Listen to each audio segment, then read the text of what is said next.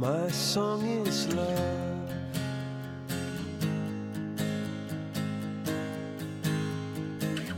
Love to the loveless shore. And it goes up.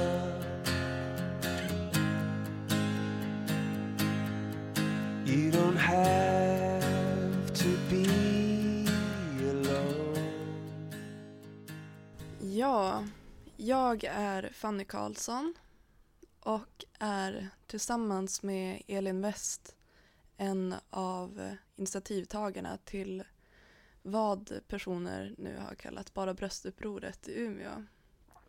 Och eh, vi badade i de badkläder vi ville på Medley i Umeå i, i våras och har sedan dess jobbat aktivt med att personer som vill ska få vistas i det offentliga rummet på samma villkor som de flesta män får.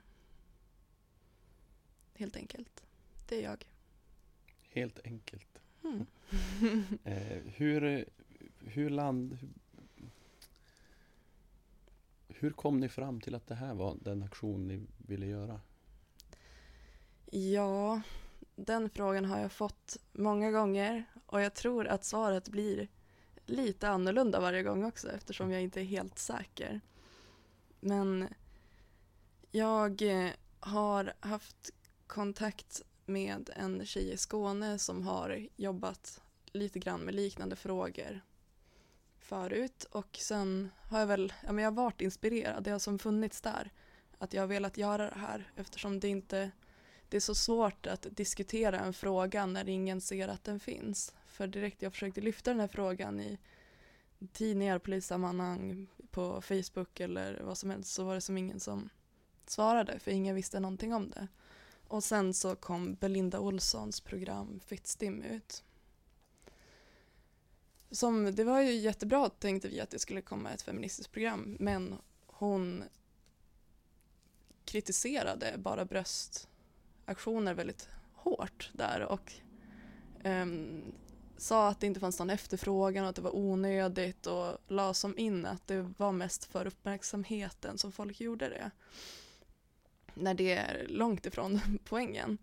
Och då så pratade jag och Elin om det för vi, vi var så frustrerade på något sätt och då var det som bara, ja men vi gör det. Nu, nu räcker det. Helt enkelt. Och sen så tog det ett litet tag, kanske tre veckor efter att vi hade sagt det, tills vi båda kunde en torsdag eftermiddag och sen så får vi iväg. Helt enkelt. Just det. Eh, vad mötte ni för eh, reaktioner på plats? Ja, ehm, vi började i omklädningsrummen. Ehm, det har alltid varit lite jobbigt. Jag, jag är transperson och vill helst inte vara i varken kvinnornas eller männens omklädningsrum. Så man börjar där, att gå in i ett omklädningsrum som inte jag tycker passar mig. Så vi gick in i kvinnornas och tog av oss alla kläder och duschade, precis som alla andra. Det var inget konstigt överhuvudtaget att alla stod nakna och tvättade sig. Sen tog vi på oss ett par badbyxor var. Fick ingen reaktion, gick ut. Och vi var ju verkligen så här bara, antingen kommer alla skrika eller så kommer ingen bry sig. Vi gick emellan att vara jättenervösa och tycka att vi är jättetöntiga. Liksom, att vi överhuvudtaget förväntar oss någonting. Och sen när vi kom ut så simmade vi väl i ungefär en kvart. Det var som ingen som brydde sig där. Och sen så kom badvakten och sa att det inte var lämpligt. Och sa att antingen så får ni låna en bikiniöverdel av oss eller så är ni inte välkomna. I princip. Och då valde vi att gå eftersom vi inte ville ha det. Och sen efter det här så tog det väl en vecka innan det kom ut i media och sen så, så blev det en grej och nu har jag hört väldigt många säga att de har ja, men, pratat om det utan att ha någon som helst relation till varken mig eller Elin. Och flera och flera hakar på, det blev fler och fler aktioner och vi fick igenom det. Det blev ju tillåtet på Medley till slut. Efter ett tjugotal till aktivister hjälpte till. Så eh, det var väldigt intressant överhuvudtaget att i media, alla, de flesta artiklarna var väl inte sådär att det här är dåligt, men alla kommentarer och alla som fick göra sin röst hörd i och med det här i media var ju verkligen att ja, men det här är ja, dels farligt för kvinnor, för det, män kommer ju gå efter och kommer ta på dem och sådär och det är, ja, det är inte, det är helt enkelt farligt om en kvinna går utan över, någonting på överkroppen.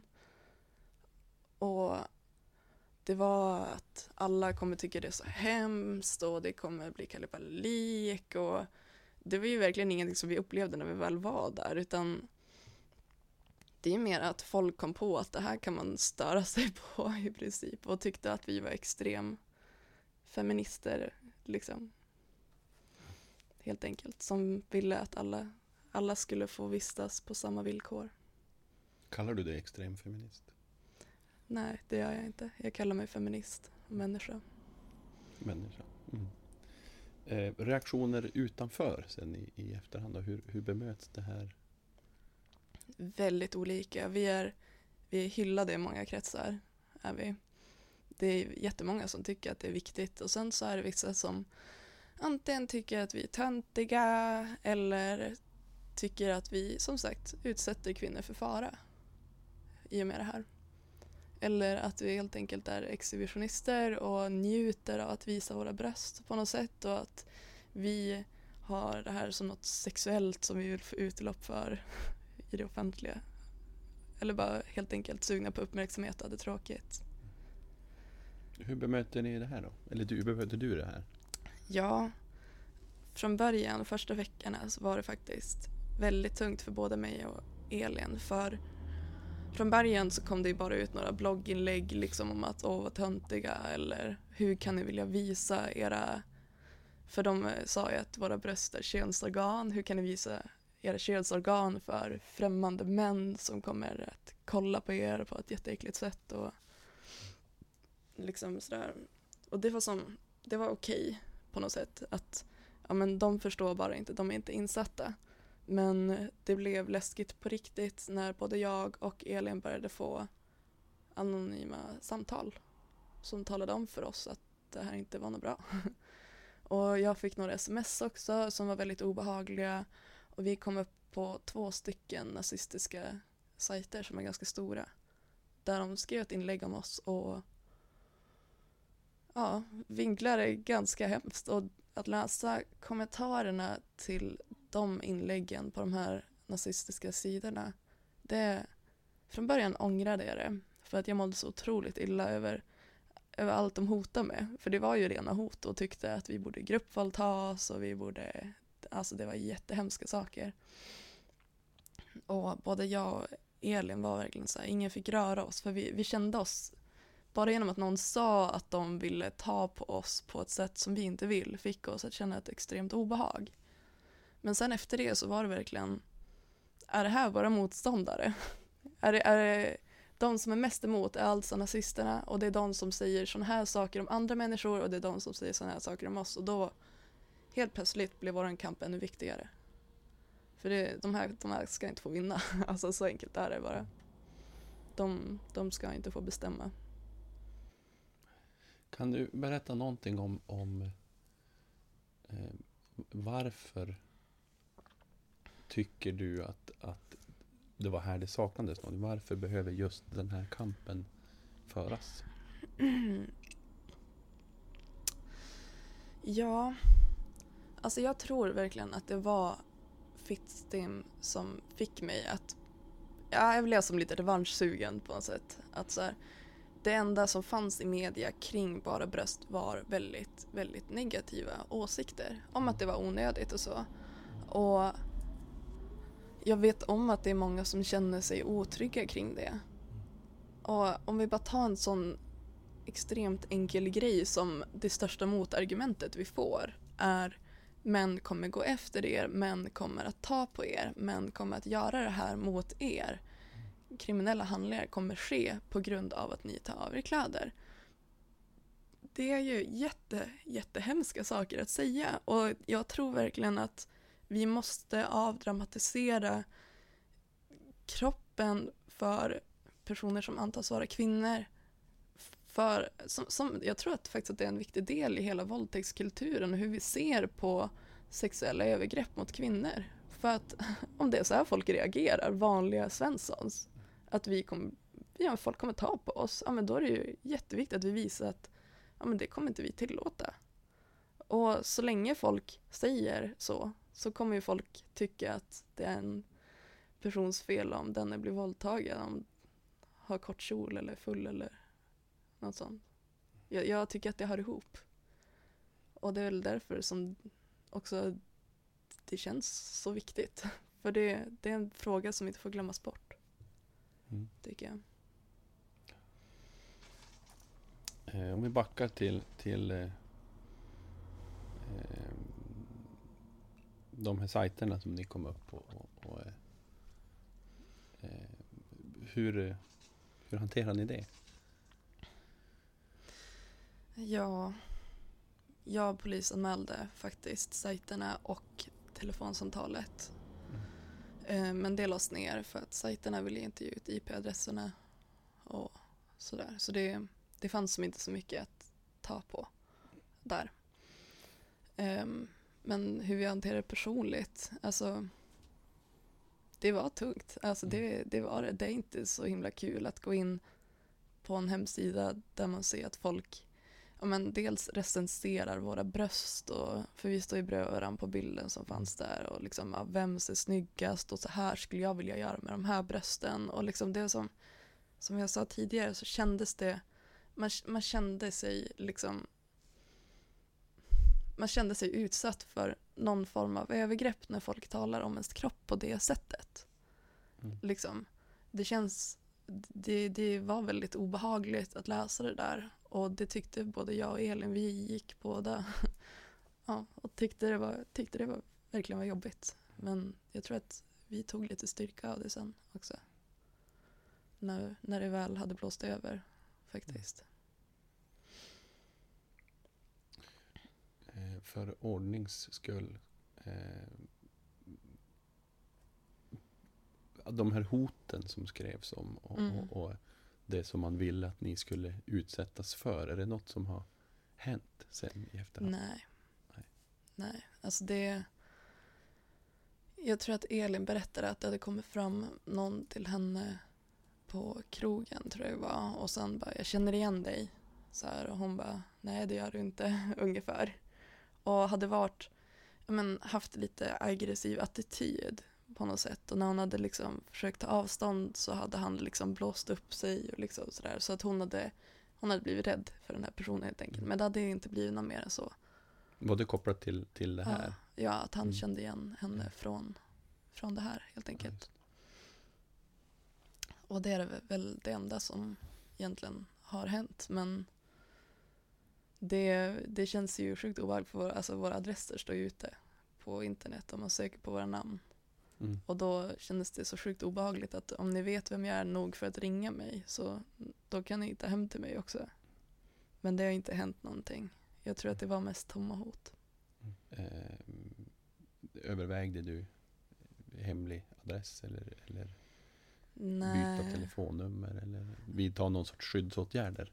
Mm, alltså jag brukar inte vara, alltså jag är inte en sån person att när jag kommer hem så är det första jag gör att låsa dörren och att det är jätteviktigt liksom. Jag, jag är inte så rädd av mig när jag är hemma men där ett tag så gjorde jag det.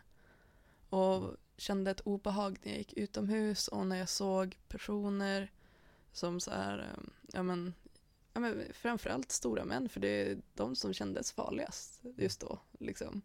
Så då var det så. Och jag kände verkligen, jag, jag övervägde det till den grad att om det här fortsätter och att det verkligen blir ett problem så ser jag till att få liksom, ändra det. Men det var aldrig, det kändes inte aktuellt. Det gick över sen.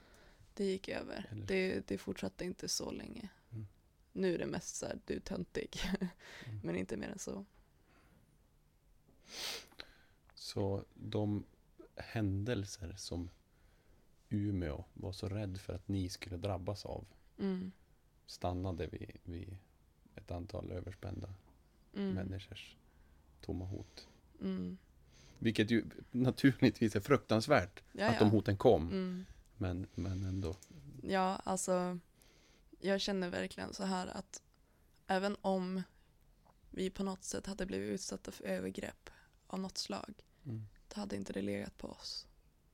Och därför tycker jag att det är Nej, helt, då är det ju helt irrelevant att överhuvudtaget använda de argumenten oavsett vad som händer. För att om jag går på badhuset utan överdel, chillar, badar och någon börjar följa efter mig, då kan det inte vara mitt fel. Då måste de, istället för att be mig ta på mig en överdel, så måste de skicka ut den personen. Och jag tänker faktiskt vara så bold att säga att jag tror att hoten och allting, alla, allt motstånd hade blivit mindre om, om folk i maktpositioner verkligen tagit ett tydligt ställningstagande att det här kan inte vara kvinnornas fel. Liksom. Och att tycka att det här är självklart på något sätt. Det, mm, men nu är det bara några få som har gjort det. Men jag tror verkligen att ja men samtidigt så är det ju fortfarande accepterat i vissa kretsar att tycka att det är en tjejs fel om hon blir våldtagen i vissa sammanhang. Och det, ja, vi måste ändra den tror jag. Tror du? Nej, jag är helt säker. helt, helt säker. Jag tror faktiskt att Fatta har gett oss stöd också. I någon, jag tror att de intervjuade, vad heter hon, jämställdhetsministern. Inte. Ja, jag minns inte, folkpartist tror jag. Mm. Om det och sa att det här är en del av våldtäktskulturen. Det är en av en del i att vi accepterar vissa övergrepp. Mm. Men eh, hon tyckte också att det fanns viktigare frågor.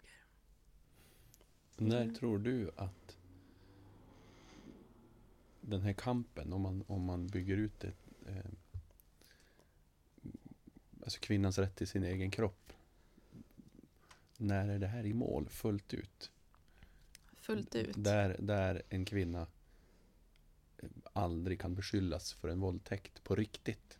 Mm. När Fatta har fått igenom Mm. samtyckeslagstiftningen. Och när... Är du hoppfull kring det? Alltså sker det under min livstid Mm. så kommer jag vara jättenöjd. Mm. Men eh, jag tror att för att för, alltså det går fortare ju fler som stöttar vår kamp, ju fler som aktivistar, ju fler politiker som visar tydligt att det här är bra. Det här är en fråga som vi inte ska göra motstånd för. Liksom. Desto fortare går det ju. Um, men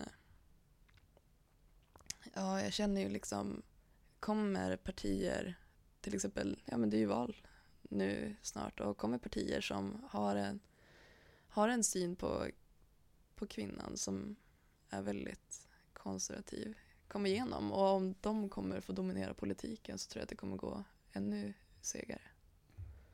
Typ att man vill begränsa abortlagstiftningen och sådär. Då, ja, jag, jag vet inte. Jag, jag hoppas att, det, att jag får vara med om det. I alla fall. Men det, det har ju pågå- pågått ett tag och det Mm. ska, vi kommer inte ge upp förrän det är klart helt enkelt. Bra. Mm. Tack. Får önska lycka till med Ja. det. Ja, tack. Får säga tack så mycket för att du tog dig tiden och, och var med i våran podd och, och ställa upp för, för våran skull Mm. i, i relation till, det här projektet. Men framför allt eh, att du ger ditt engagemang och din, din tid och din lust åt en kamp som är oerhört viktig. Tack så mycket. Tack. Tack.